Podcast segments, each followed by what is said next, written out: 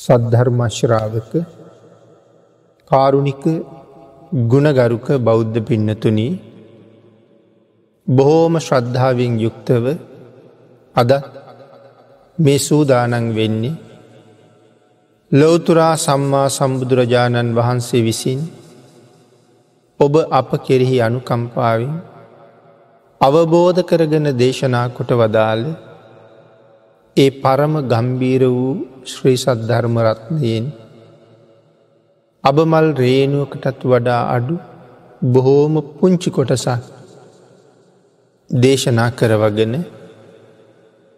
ධර්ම ගෞරවය පෙරදැරි කරගෙන දේශනාගත ධර්මය ශ්‍රවණය කරන්න. මනාව ධර්මශ්‍රවණය කිරීමෙන් ලැබෙන අවවාද තම තමන්ගේ ජීවිතවලට එකතු කරගෙන මෙලව යහපත් කරගෙන පරලව සුගතිගාමී කරගෙන අවසානි ප්‍රාර්ථනා කරන බෝධියෙන් සැප සහිත ප්‍රතිපදාවෙන් ඉතාම ඉක්මං භවයක චතුරාර් සත්‍ය ධර්මාවබෝධය ලබාගන්න එක අපි සියලු දෙනාගේම උතුම්ම ප්‍රාර්ථනාවයි. ඒ උතුම් ප්‍රාර්ථනාව මුදුන් පත් කර ගැනීම වෙනුවෙන් අද ධර්මශ්‍රවනය කරමු පිනතන මේ ධර්ම දේශනා මාලාව තුළ මේ දිනවල සාකච්ඡා කරමින් හිටී අචින්තෙය කියන සූත්‍ර දේශනාව. මේ වෙනකොට මේ දේශනාව තුළින් අචින්තය සූත්‍රය තුළින් ධර්ම දේශනා දහය අපි සාකච්ඡා කරලා තියෙනවා.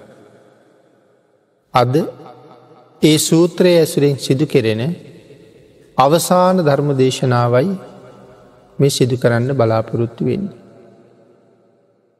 පිනතුන පහුගිය ධර්ම දේශනාව අපි නිමා කරන්න යෙදනේ බුදුරජාණන් වහන්සේ ධර්මස්කන්ද අධිෂ්ඨාන කරපු හැටි සාකච්ඡා කරලා. අපි අද එතනින් ධර්ම දේශනාව පටන්ගමු. පිනතින බුදුරජාණන් වහන්සේලා දෙනම එකම බුද්ධ රාජ්‍යයක් තුළ පහළ වෙන්නේ නැත්ති ඇයි කියන කාරණාව සාකච්ඡා කරමු.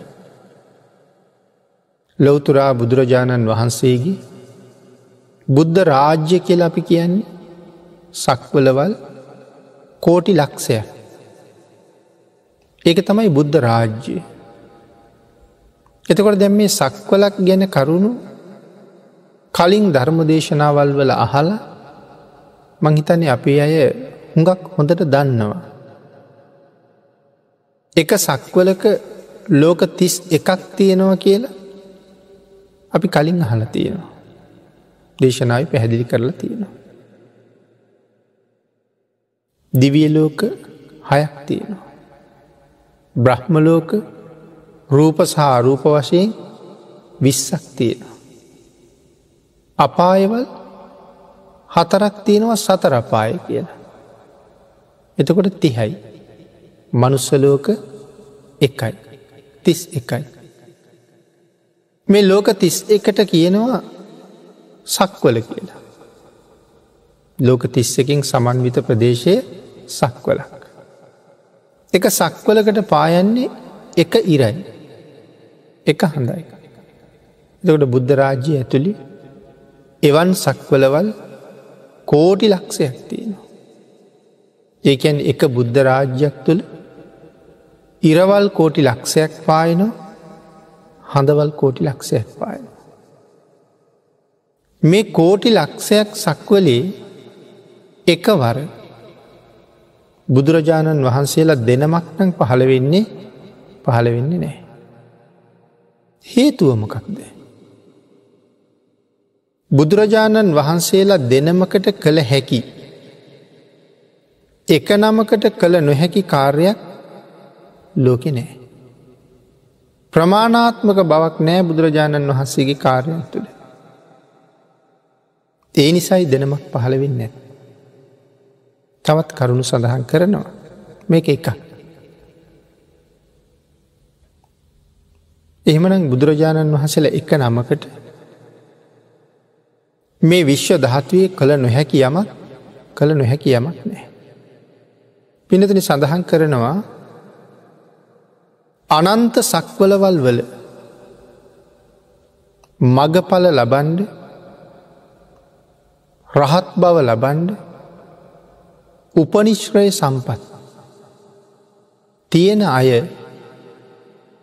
මේ වෙලාවෙ ඉන්නවන එතකට කෝටි ලක්ෂයක් සක්වල ගැන නෙමෙයි කතා කරන්නේ අනන්ත සක්වල ගැන එකන මේ සීමාවක් නැති අනන්ත සක්වලේ මේ දැන් බණක් ඇහුණොත් රහත් වෙන සත්ව කොට්ටාසයක් ඉන්නවන. එතන සමහල්ලාට දාහක් ඉන්න පුළුවන් ලක්ෂයක් ඉන්න පුළුවන් කෝටියක් ඉන්න පුළුවන් අසංක්‍ය ගණන් ඉන්න පුළුවන්. මේ දැන් මේ මොහොතේ බණක් අහන්ඩ ලැබුණොත් ප්‍රහත්වෙන අය. සඳහන් කරනවා ඒ කෝටි ගණන් සත්වයන්ගේ අරහත්වය උදෙසා. එක මොහොතක් තුළ ඒ සියලු දෙනාටම ධර්ම දේශනා කිරීමේ හැකියාව බුදුරජාණන් වහසට තියෙනවා. මේක භාගිතුන් වහස සම්බන්ධයෙන් අචින්ති බව මේ සූත්‍රයේ නමත් අචින්තයේ. බුදුවරුන්ගේ විෂය ගැන හිතන් දෙපා කියල කිවේකයි. එකන් බුදුගුණ ගැන හිතන්ඩ එපා කියල නෙමෙයි මේ කියන්නේ. අපිට හිතල ඉවර කරන්න බෑ. එහෙම හිතන්ඩ ගියොත් මේ කාරණාව නමුත් බලන්නක පින්නට. අනන්ත සක්වල කෝටි ගණක් සත්වයින්ට මේ මොහොතේ බණක් ඇහුවොත් රහත්වෙන වනං ඒ කෝටි ගණන් දෙනාට මේ මොහොතේ බණකන්න පුළුවන් කියන කාරණාව හිතන්ඩ ගියොත් අපිට මොකක් වෙයිද. භාගිතුන් වහසම දේශනා කළා හිතන්ඩ ගියොත් හිත වෙහෙසට පත්වෙනවා කියලා. ඒ පුද්ගලයා උමතු වෙනවා කියලා. ඒකයි මෙවට අචින්තය කරුණු කියල කියන. එක බුදු කෙනෙකුටම කළ හැකි දෙයක්. ආංඒකයි සඳහන් කළේ බුදුවරු දෙනමකට කරන්න පුළුවන් නමුත් එක නමකට කරන්න බැරි දෙයක් කියල දෙයක් ලෝකෙ ලොකිනෑ. ඒ තරම්ම භාගිතුන් වහන්සේගේ හැකියාව නිමක් නැති හැකියාව. ඊළඟට පිඩතිනි සඳහන් කරනවා මේ සංසාරය අපිට සමාව දුන්න හැටි ඒකත් අචින්තය කරුණක්මයි කියලා. අපට සමාව දුන්න හැටි කියල කියහම්. සාමාන්‍ය පුද්ගලය ඕන තරන් වැරදි කරනවා. අපි යම් වරදක් කරහම කාටද වරද කළේ ඒ වරදට සමහට අපට සමාව හම්බෙනවා. අම්ම තාත්තට වැරදි කලා වෙන්න පුළුවන්. ගුරුවරුන්ට වැරදි කලා වෙන්න පුළුවන්. තවත් ඇසුරු නිසුරු කරන කල්්‍යයාන මිත්‍රයන්ට වැරදි කලා වෙන්න පුළුවන්. යම් වරදක් මගින් වුණහම පළවෙනි වතාවනි කියල සමාවක් කම්බෙන.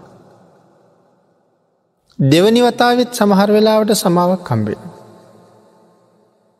තුන්වෙනි වතාවත් තරවටු කරලා දොස් කියල සමාවක් දෙනවා. හතරවෙනි වතාව පස්වෙනි වතාවත් සමාව දෙෙන්ඩ වුණොත් සමහරලාට කොන්දේසි පනවනවා. කොන්දේසි යටතෙ සමාවදන්න. නමුත් තවත් වැරදි කරනවන අත්හැරලම දාන. නමුත් බුදුරජාණන් වහන්සේ අපි යම් වරදක් කරලා ගිල්ල බුදුරජාණන් වහන්සේගෙන් සමාව ඉල්ලහම ස්වාමීනී මට සමාවෙන්. එත්තන් අනන්ත සසර පටන් දැන් මේ මොහොත දක්වාම මාගේ සිතකය වචනය කියන තිදොරින් සිදුවෙච්ච සියලූම වැරදි කර්ම දෝසවලට මට සමාවෙන සේක්වා කියලපි සමාවීලනවා. සමාව ලැබෙනවා. හැබැයි බුදුරජාණන් වහසේ දන්නවා මේ සමාව ඉල්ලපු කරුණටම අද සමාව ඉල්ලුවත් අය දවසක මගින් සමාවිල්ලෙනවා කියලා. එකවතාවක් නෙමෙයි මේ පන්දාහක් කාලි ගත වෙනකොට අපි මැරිමැරි ඉපදුනත් මේ ශාසනය තවවුරුදු දෙදස් ගානක් පවතින. ඔය කාලි තුළ කුසල් සහිතව මනුස්සලෝකෙම ඉපදුන. අපි මේ එකම වරදට කී පාරක් තව අපේ බුදුරජාණන් වහන්සේගෙන්ම සමාව ඉල්ලයි. මේ බුද්ධ ශාසනයම මේ වෙනකොට අතීතයට ගිහිල්ල තියෙන කොටසි. අපි මේ වරදටම කොච්චර සමාව ඉල්ලලා ඇද. ඒකත් දන්නවා. මෙච්චර වතාවක් සමාව ඉල්ලලා තියෙනවා සමාව දීලා තියෙනවා නැවත යළිත් සමාව ඉල්ලනවා නැවත සමාව දෙනවා. අනාගතයේ ආයෙත් මේ වරදටම සිය ගණන් දහස් ගණන් වර සමාව ඉල්ලෙනවා. ඒකත් දන්න. අද සමාව දෙන්නේ අද සමාව දුන්නට අනාගතයේ මේ වරදම කරලා ඔබ මගින් ආයෙත් සමාව ඉල්ලනවා කියන කාරණාව දැනගෙනමයි. එතකොට තවත් අතීතයට කල්පනා කළොත්. මේ වැරදි වලට අතීත බුදුරජාණන් වහන්සේල ළඟ මහරහතන් වහන්සේල ළඟ මේ එකම වරදකට සමහර වෙලාවට කෝටි ප්‍රකෝටි අනන්ත අසංක්‍ය අප්‍රමාණ ගන මේ වරදටම සමාවිල්ලලා තිය. ඒ අතීති. අද අපේ බුදුරජාණන් වහන්සේගෙනුත් සමාවිල්ලනවා නිවන්දක්නා ජාති දක්වා. මතු අනාගතයේ තව බුදුරජාණන් වහන්සේලා මහරහතන් වහන්සේලා කී දෙනෙක් ළඟ මේ ප්‍රශ්නයටම පිඩතුනි සමාව ඉල්ලයිද. ඒකත් දන්න. ඒ දැනගෙන අපට කොන්දේසි විරහිතව සමාවදීල තියෙනවා. නමුත් සාමාන්‍ය කෙනෙක්. තුන් හතර පාරක් වරද කරහම කොන්දේසි සහිතව සමාවදීල තවත් වැරදි කරනවා නං අයින් කරලමදාන. නම් ලොවතුරා බුදුරු කවදාවත් හෙම කරන්නේ එහෙම කරන්නේ. අයින් කළොත් මේ පුද්ගලයට කෞුද පිහිටවෙන්. මහා කරුණාව කිවීකට. මහා දයාව කිවීක. ඒ කරුණවත් අපිට තේරෙන් නැති නිසයි සඳහන් කළේ මේ සංසාරය අපිට සමාව දෙන තරමමත් අචින්තනීයයි කියලා. අපිට හිතාගණ්ඩ බෑ ඒ සමාව අපිට ලැබෙන හැට. ඊළඟට පින්නතුන සමහර කරදරයකින් අපිට සුළු ආබාධයක් වෙන්න පුළුව. අපිට කරදරයක් වෙනවා. පොඩි ආබාධයක් තමයි වෙන්නේ. නමුත් සමහර වෙලාවට. කරදරේ සිද්ධ වුණ හැටියට ඒකෙන් මම මැරුණෙ නැත්තේ ඇයි කියන එක තමයි පුදුමේ. සමහරය එහෙම කතා කරනවා. සමහර කෙනෙක් උඩ පලංචයකින් වැටිලා. සමහලට අත කැඩිලා කකුලක් කැඩිලා ජීවිතයට මොකොත් වෙලා නෑන. නැවත ප්‍රතිකාර කරලා සුවපත්වෙනවා. නමුත් ඒ පුද්ගලය අපිට කියනවා මම නොමැරුණ එක තමයි පුදුමි කියලා. සමහර කෙනෙක් වාහනයක හැප්පිලා. වෙච්ච අනතුරේ හැටියට වාහනයට යට වෙලා පෑගිලා කුඩු වෙලා යන්ඩ තිබිච්ච අවස්ථාව. නමුත් අතක් අයක් කැඩිල කොහට්ට හරි විසි වෙලා පාරයාපු අනික් වාහනවලනුත් බේරිලා කවුරු හරි මාව බේරග නරංගිහිල්ල. නමුත් අනතුරේ හැටියට හරි භයනකයි. අපිට තේරෙන්නේ කෞදාපිව බේරගත්ත කියලා. නමුත් බුදුරජාණන් වහන්සේගේ කරුණාව අපිට හම්බ වෙන හැටි අපි හිතන විදිහට සිද්ධ වෙන දෙයක් නෙමේ. ආර්යන් වහන්සලගේ අනුකම්පාව ලැබෙන්නේ අපි බලාපොරොත්වයෙන තැනක නෙමේ. නමුත් මේ ලැබුණේ ආර්යන් වහන්සේලාගේ අනුකම්පාවද භාගිතන් වහසගේ කරුණාව නිසාද මගේ ජීවිතය මේ ඉතුරුණේ කියන කාරණාවක් පින්නතින අපි හිතන්නෙත් අපි හිතන්නෙත් නෑ. අපි නොහිතන තැනක බලාපොරොත්තු නොවිච්ච විදිහට භාගිතන් වහසේ අනුකම්පාවට හම්බ වෙලා තියෙන. ආර්යන් වහසලගේ කරුණාව අපිට ලැබිල තියෙනවා. ඒ අනුකම්පාව දයාව නිසා තමයි අපි තාමත් මේ ජීවත්තෙන්නේ. එහෙම නැත්තං මේ ජීවිතෙත් අපිට අහිමි වෙලා බොහෝ කල්වෙඩ පුළුවන්. ඒ කරුණාව කොතන කොහොම ලැබෙනවද. කියන කාරණාවට එක උදාහරණයක් සාකච්ඡා කළ. පිඩතුනී ඒකට හරි වටින උපමාවක් තමයි උදාහරණයක් තමයි ධම්මරුචි කියන භික්‍ෂූන් වහසගේ කතාව.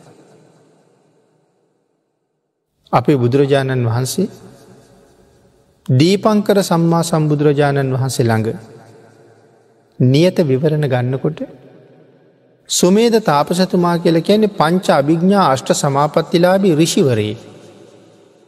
එතකොට රිෂිවරය යටතෙත් ශිෂ්‍යයෝ හිටිය. ආංගේ රිෂිවරයා යටතේ රිසි ප්‍රෞද්ජාවෙන් පැවිදි වෙලා හිටපු කෙනෙක් තමයි මේ ධම්මරුචි කියන භික්‍ෂූ. නමුත් පස්සෙ කාලි පාප මිත්‍රයන්ට එකතු වුණා. පාප මිත්‍රයන්ට එකතු වෙලා පැවිද්දෙන් අයින් වුණා. අන්තිමට තමන්ගේ අම්මත් මැරුවා. මරල ආනන්තරිය කරමයකුත් කරගත්තා. අවීචීට ගියා. අති දීර්ඝ කාලය අවීචී දුක් වින්ද. කොච්චර කාලයක් ද අවිචී දුක අන්තර්කල්පය කියලනි කියන්න. අවිච්චයට වැටුණොත් අන්තර්කල්පය කාවිෂ තියෙන. අන්තර්කල්පයයි කියල කියන මනුස්සවර්ශවලි අසංක්‍ය අසූහය ලක්ෂ හතලිස්දා. එකයි බින්දු එකසිය හතලිහේ ගොඩවල් අසූහය ලක්ෂ හතලිස් දාහක් අවිචී ආවිෂ. නමුත් පින්නතනේ අපේ භාගිතන් වහසේ තවත් තැනක මෙහිම පැහැදිලි කළ. අපේ පින්නතු නහල තියෙනවා අර කන කැස් බෑවික් වීසිදුරෙන් අහස බලනවා කියන කතාව. නමුත් භාගිතුන් වහසම දේශනා කරන්නේ එක වෙන්ඩ පුළුහන්ද කියලා. සාගරයේ විශාලත්වේ අපිට ඒකවත් තේරෙන්නේ. මහසාගරයේ කොච්චර විශාලද. ඒ මහා සාගරයේ මේ වියගහ සිව් දිසාවෙන් හමන හුළඟින් හතර දිසාවට එහාට මෙහාට පාවිවි තියෙනවා. අවුරුදු සීයකට සැරයක් නං මේ කැස්බෑව අහස බලන් දෙන්නේ. මේ තරං විශාල සාගරයේ ශාලයි කියහම අපේ දන්නවා. අපේ රට ආසන්නේ තියෙන සාගරයට අපි ගැන ඉන්දියන් සාගරය කියලා.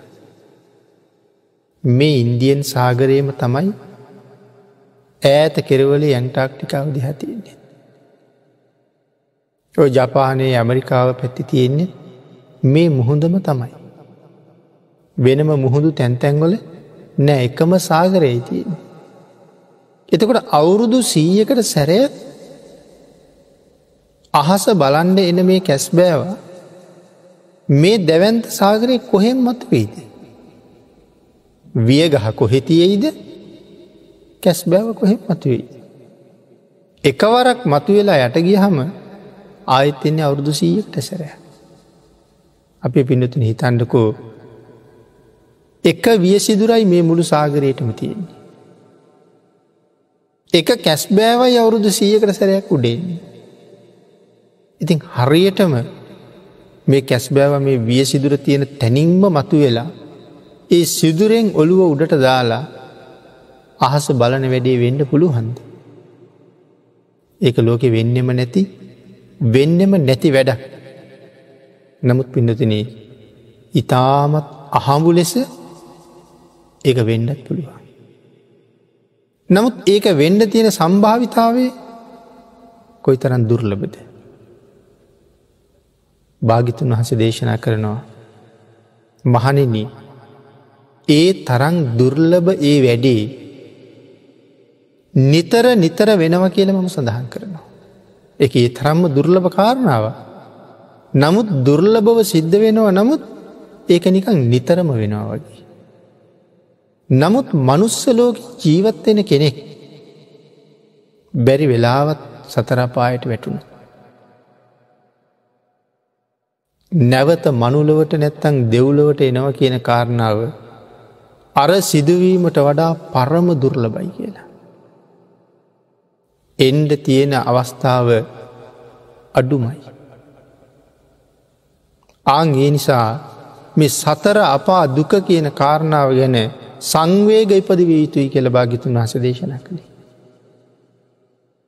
මේ වාගේ දහම් කරුණු ළඟ කෙනෙක් නැවතිලා මේක හිතනවා හුඟ අඩුයි පන්නතුනි. අපි කොයි වෙලාවේ මැරෙන්ඩ බැරිද. ජීවිතය වැරදිලා තිබ්බ. තව ටිකකින් මැරුණු වැටෙන්න ඔය කියන සතරාපායි. එතකොට අය කී කාලිකින් මිදෙන්ඩ වෙයිද. කවදද ගොඩ එන්නේ කියලා සීමාවක් මායිම නෑන. නමුත් ඒ තරන් බියකරු සසර ගැන දන්න නිසාම තමයි තමන්ට ලැබෙන්ඩ තියෙන නිවන අත්හැරල සසර දුක්කින්දින සත්වයා සංසාරෙන් එතර කරන්න ඕන කියල මේ බුද්ධත්වය මුදුම් පත් කරගන්නට පාරමිතා පිරිවි.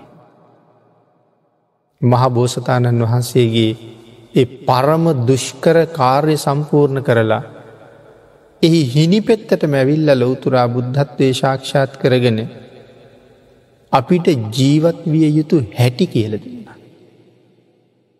කොහොමද ස්වභාව ධර්මයත් එක ජීවත්වෙන්නේ කියලා. මනාව සීලයක් අපිට පෙන්නවා මේ සිල් පදටික ආරක්ෂා කර ගණ්ඩ මෝන කිය. මේ විශ්වය ක්‍රියාත්මක වෙන හැටි අපි නොදන්න සරුවඥතා ඥානයෙන් අවබෝධ කරගත්ත කරුණු. එනිසා මේ පංචසීලයේ ආරක්ෂා කර ගණ්ඩම කියල දේශනා කළ. එක හරියට නිකං ගෙයක් හදනකොට අත්තිවාරමක් වුවමනාමයි වගේ. ජීවිතය ගොඩ නගනකොට පන්සිල් අවශ්‍යමයි. එයින් බැහැරනං අත්තිවාරම ශක්තිමත් නැත්තං ඒ ගොඩ නැගිල්ල නිරන්තරයෙන් අනතුරට මූුණ දීලයිතියෙන් ඕනම වෙලා කඩා වැටෙන්ට පුළුව. නමුත් ශක්තිමත් පදනමක් මත ගොඩනගපු ගොඩනැගිල්ල ඕනෑම වැස්සකට හුළඟකට පොරොත්තු දෙනවා. එනිසා බයනැතුව අපි ඇතුළඉන්න. ජීවිතෙත් එහෙමයි. පන්සිල් කියලකෙන් හරියට ජීවිතය අත්තිවරම. යමෙක් ගාව පන්සිල්වත් නැත්ත ඔහුගේ ජීවිතයේ අනතුරේම තමයි තියෙන්. මොන මොහොතේ මැරෙයිද මැරුණ ගමන් මේ කියන සතර පායට විවෘත වෙලයින්නේ. සතර අපාය දොර ඇරිලයිතිය. ඉතින් එහෙමනං මේ දම්ම රුචි කියන භික්‍ෂුව අම්මත් මරලා පාප මිත්‍රයෝ ඇසුරු කරලා තවත් හුඟක් පව් කරලා අවිචයේ ඉපදිලා. නැවත අපේ බුදුරජාණන් වහන්සේට මුණ ගැහෙන්නේ. මහාකල් පසංක්‍ය හතරයි ලක්ෂයකට පස්. ඒත් තිරිසං ලෝකෙ ඊපදේ. මේ බුද්ධාන්තරි තිරිසන් ලෝකෙට එනවා. ගංගාවක විශාල මාළුවෙක් වෙලා ඉපදිනවා. ඉතින් විශාල මාළුවේ බොහෝම බඩගින්. ඈතින් නැවත් යාත්‍රා කරනවා දකිනවා. නැව දැක්කහම මාළුවට හිතෙනවා එ නැව ගිලින්ඩ. එත් තරම් බඩින්. නැවක් ගිලින්න කොච්චර ලොකු මාළුවක් වෙන්ඩ ඇද්ද කියලත් හිතන්ඩුව. දෙනිසා ඈතින් කට ඇරගෙන නැවදිහටෙනවා. නැවේ ඉන්න මිනිස්සු දැක්කා කට ඇරගෙනනවා. තිබි නැව ගිලින්ට තරම් කොහොම කට ඇරගෙන එන්ඩ ඇද්ද කියන කාරණාව හිතන්ඩුව. ඇතිවෙච්ච බය නිසා ඒ මිනිස්සුන්ට එක පාරම කියවුණේ අහං ගෝතමෝ භගවා කියලා.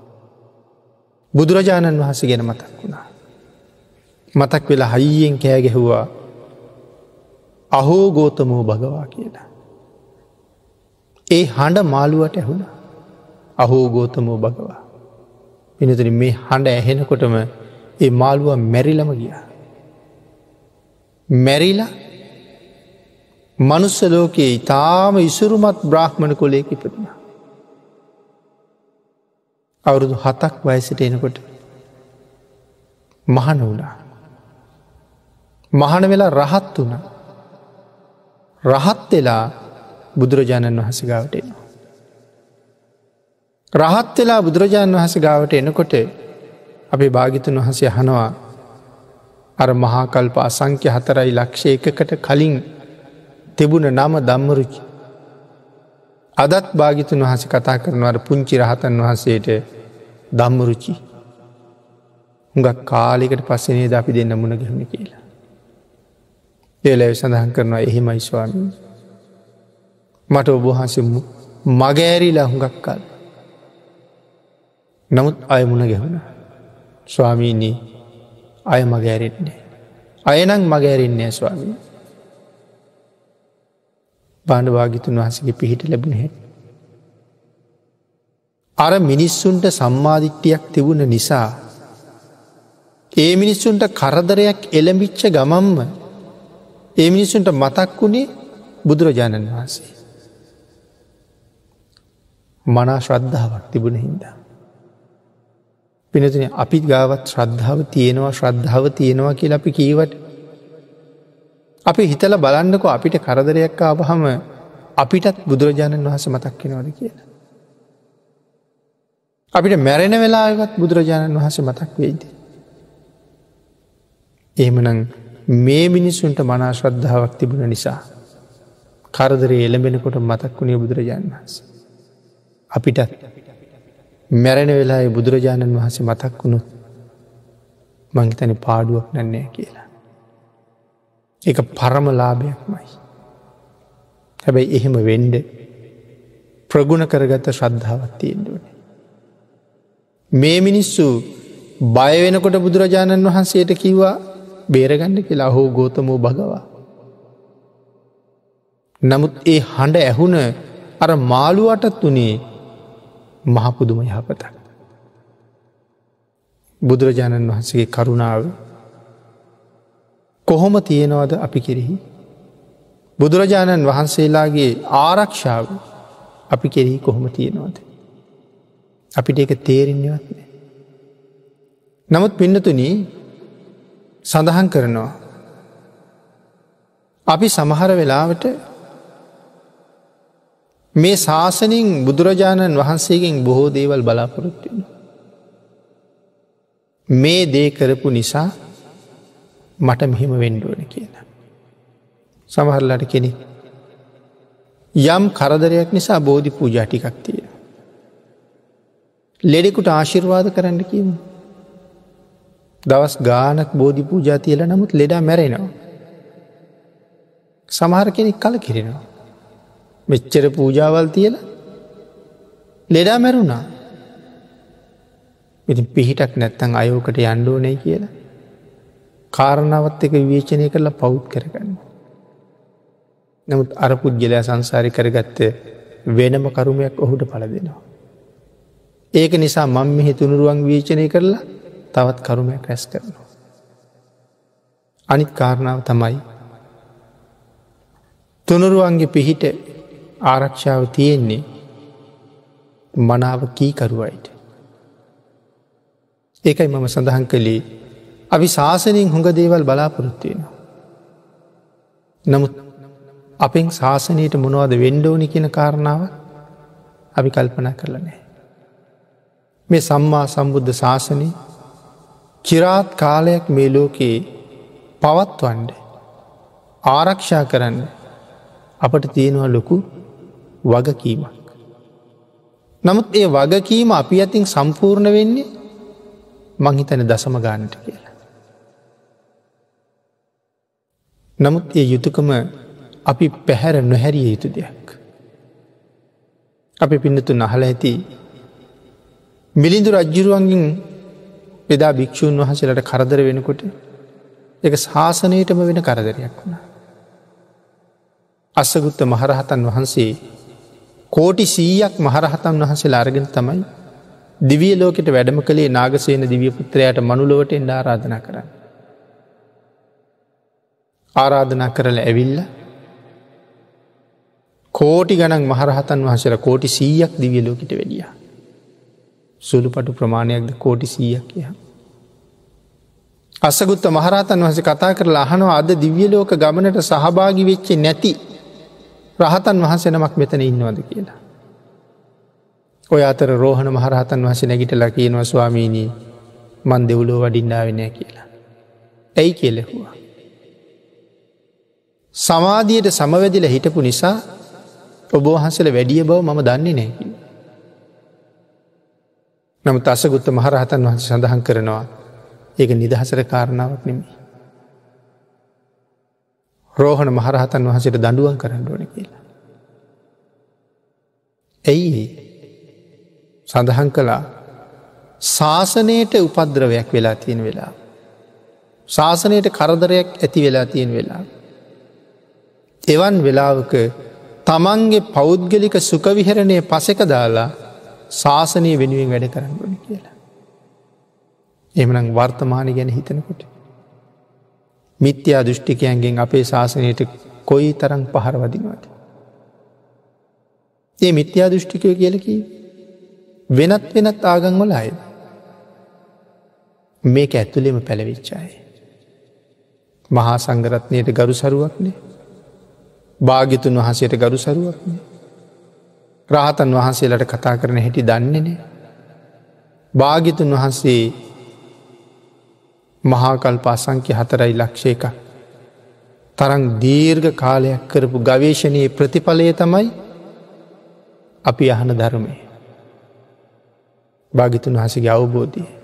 නමුත් ඒක ඒ ඒ අය ඒ ඒ අයට ඕන ඕන විදිහට හසුරුවනවා. ඒක ප්‍රතිඵල ඒ අයි බුක්ති විඳිනවා.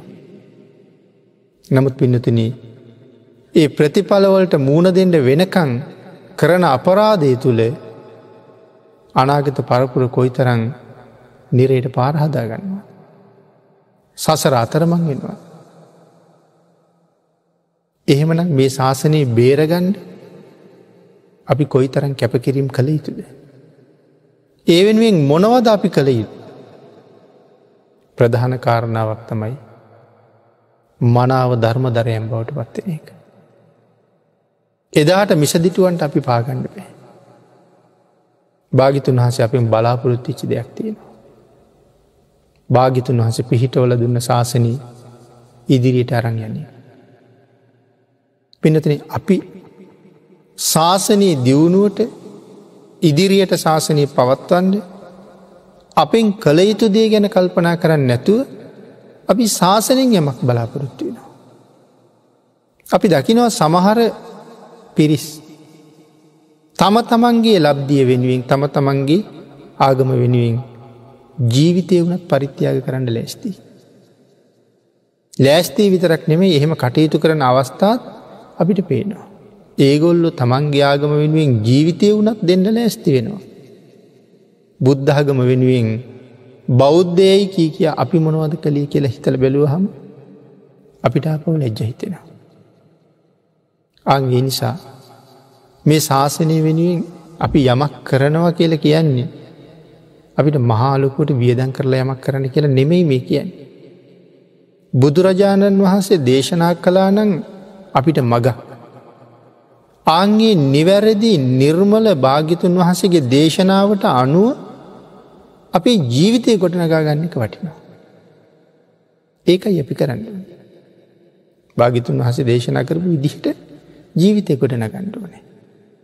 එතකොට තමයි අපිට කියන්නේ බුදුරජාණන් වහන්සේගේ ශ්‍රාවක කියලා. කීකරු ශ්‍රාවකයෙක් බවට පත්තෙන්ඩුවන. කීකරු ශ්‍රාවකයට තමයි බුදුරජාණන් වහසේ ළඟින් ඉන්න. දරුවෙක් ගත්තහම පවුලේ දරුව හතර පස් දෙනෙක් ඉන්ඩ පුළුවන්. මව්පියෝ කියනදේ හොඳටම අහගෙන මව්පියන්ට ඉතාම කීකරුව වැඩ කරන යම් දරුවෙක් ඔය හතර පස් දෙෙන අතර ඉන්නවනම් අම්මගේ තාත්තගේ වැඩියෙන් අවධානය යන්නේ ඒ දරුව ගැන. යනේන අය ගැන එක්ක කතා කළොත් දරුව ගැන වැඩියෙන් කතා කරන්නේ අර හොඳට කියනදේ අහන දරුව ගැන. පින්කමක් කරලා ආශිර්වාද කරලා පින්දුන්නොත් ඉස්සරලම මතක් කරන්නේ කියන දේ අහපු දරුවගෙන් ඒක ඇන්නේ මව්පියන්ට කීකරු. පාසලට ගිය හම ශිෂ්‍යයෝ ගුරුවරය කියන දේ හරියටම කරනවන ගුරුවරය ඒ ශිෂ්‍යයට හරි කැමති. ගුරුවරය හැමවෙලාම කතාවක් කළ අනික් අයට ආදර්ශයට පෙන්නන්නේ ඒ කීකරු ශිෂ්‍යයගෙන. එකැන් ඒ ගුරුවරුත් කීකරු ශිෂ්‍යයට ළඟයි. අං ඒවාගේ තමයි භාගිතුන් වහසේ. තමන් වහන්සේ දේශනා කලා නං යම් කරුණ. ඒ දේශනා කරපු ධර්මරත්නයට අනුව ජීවිතය හදාගන්නව නං යම් පිරිසක්. ඔවුන්ට තමයි හැබෑවටම ශ්‍රාවක කියල කියන්න. සීයට සීයක්ම බුදුරජාණන් වහසට කීකරුවෙන් ඕනේ. පිඩතුනී සීයෙන් යං කොටසක් සම්පූර්ණ කරපු අයට ශ්‍රාවක කියල කියන්නේ. ශ්‍රාවක සංග කියල සංග හැට කියන. මේ ශ්‍රාවක කියන නම ඇතුළේ මහ බරපතල කරුණු ගොඩක් තියෙන. ලොකු අදහසක් තියෙන ශ්‍රාවක කියල කියන්නේ. දිවි හිමියෙන් බුද්ධ රතනයටත් ධර්මරතනයටත් අනුව ජීවිතය පවත්වන්න යම් කෙනෙක් පොරොන්දු වනානං පොරොන්දු වෙලා මේ ශාසනයට ඇතුල් වනානං ආං ඒ කෙනාට කියනවා ශ්‍රාවක සංග කියලා. දිවි හිමියෙන් බුද්ධරතනයටත් ධම්මරතනයටත් අනුව ජීවත්තෙන් පොරුන්තු වෙලා තියෙන. එතකොට ගිහි ශ්‍රාවක ඒ ඇත් එහෙම්මම තමයි. අන්න එවන් අයට බුදුරජාණන් වහන්සේ ළඟයි කියල කියන්නේ භාගිතුන් වහසගේ කරුණාව ඒ අයට ළඟින්ම තියෙනවා. හොඳටම තියෙනවා. එහෙම කීකරු කෙනා මැරුණ මරණයත් එක්කම ඔහු වෙනුවෙන් සුගතිය දොර ඇරලයි තියන්න පිළිතු. අංඒකයි භාගිතුන් වහසගේ කරුණාව කියලා සඳහන් කළේ අපි බලාපොරොත්වෙන් තැනක නෙමයි ඒකතිය. මේ ජීවිතයේ නොයෙක් නොයෙක් තැන ඒ පිහිට ලැබෙයි කිය ලබ් සමාට හිතුවට ඊට වඩා සතරාපායට හෙලන් නැතුව සුගතියක නතර කරන්න කටයුතු සිද්ධ වෙලා තියෙන. පිඩතුන ඊළඟට සඳහන් කරනවා බුදුරජාණන් වහන්සේගේ කරුණාව අපි කෙරෙහි හොඳටම තියෙනවා. බුදුරජාණන් වහසගේ කරුණාව හොඳටම තියෙනවා කියල කිය හම. අවශ්‍යනං බුදුරජාණන් වහන්සේ භාගිතුන් වහසට පුළුහන් අපි ඔක්කොම සංසාරයෙන් එතර කරන්න. අපි ඔක්කොම සසරින් එතර කරන්න පුළුවන්. හැබැයි ඒක භාගිතන් වහසට තනියම කරන්න බෑ. ඒක කරන්න නං අපෙනුත් විය යුතු ප්‍රමාණයක් තියෙනවා. ගුරුවරයෙකුට අවශ්‍යයි ශිෂ්‍යයෙක් වෛද්‍යවරය කරන්න. ඒවුවමනාව අම්මටත් තියෙනවා තාත්තටත් තියෙනවා ගුරුවරයටත් තියෙනවා. දැන් මේ කාලි හැටියටන මව්පියන්ට ගුරුවරුන්ට දෙගොල්ලටම වුවමනාවක් තියෙනවා පුංචි ළමයි ශිෂ්‍යත්යෙන් පාස් කරවගන්නට. එම ලොකූ රැල්ලක් තියෙනවා. ඉතින් දෙමව්පියන්ටයි ගුරුවරුන්ටයි විතරක් වෝමනාව තිබ්බට මදි අර ළමයගිනුත් ඒ සඳහා විය යුතු ප්‍රමාණය තියෙන්ඩුවන. නැතන් අර දෙගොල්ල විතරක් මහන්සි වනා කියලා. ඒක දෙගොල්ලටම විභාගිලියන්න බේ ඒක මේ ළමය කරන්න පේ. එනම් භාග්‍යතුන් වහන්සේට අපි මේ සංසාරෙන් එතර කරවන්න පුළුවන්. පිනතින ඒකට අපිනත් විය යුතු ප්‍රමාණය ප්‍රමාණයක් තියෙනවා. ඒ ප්‍රමාණය මෙතෙක්කල් අපි කරපු නැතිහින්ද තමයි තාමත් මේ සංසාරි දුක්කිද ඉදිරන්නේ. ඉතින් මනුස්ස ජීවිතයේ අරතරන් දුර්ලබන නමුත් නැවත බුද්ධාන්තරයකම ඒක ලැබිල තියෙන වෙලාවේ අපි විසින් කළ යුත්තේ මොනවද කියන කාරණාව හිතන්ඩෝනේ. පිඩතුනී අපි බුදුරජාණන් වහන්සේ දේශනා කරපු විදිහටම භාගිතුන් වහන්සේගේ මහා කරුණාවේ අනුකම්පාව ලබන්ඩ සුදුසු විදිහටම කටයුතු කරනවන. අපිට මේ සංසාරයේ තනියක් නෑ. අසරණ බවක් නෑ. භාගිතුන් වහසේ අපේ පිහිටට නිතරම ඉන්නවා. පිනතන මේ මේ ලෝකයේ පැතිරිලා තියෙන එක බුදුරජාණන් වහන්සේ නමකගේ අධිෂ්ඨාන ශක්තියකින් භාගිතුන් වහසේ නමකගේ කරුණාවේ මහිමයෙන් අපි සියලු දෙනාම බේරන්ඩ පුළුවන්න. එක බුදු කෙනෙකුගේ කරුණාව මහිමයෙන් අපි ඔක්කොම බේරන්ඩ පුළුවන්න. මෙතෙක් පහළවෙච්ච අනන්ත බුදුරජාණන් වහන්සේලගේ කරුණාවෙන් අපිට මොනව කරන්න බැරිවීද. ආන්ගේ අනන්ත බුදුරජාණන් වහන්සේලගේ කරුණාව අපිට ලබන්ඩ බැරිකමකුත් නෑ. අගේ නිසයි සඳහන් කළේ මෝර පිරිති මොන තරම් බලයක් තියෙනවා. උදේ හවස පරිහරණය කරන්න කියල කියන්නේ එකයි.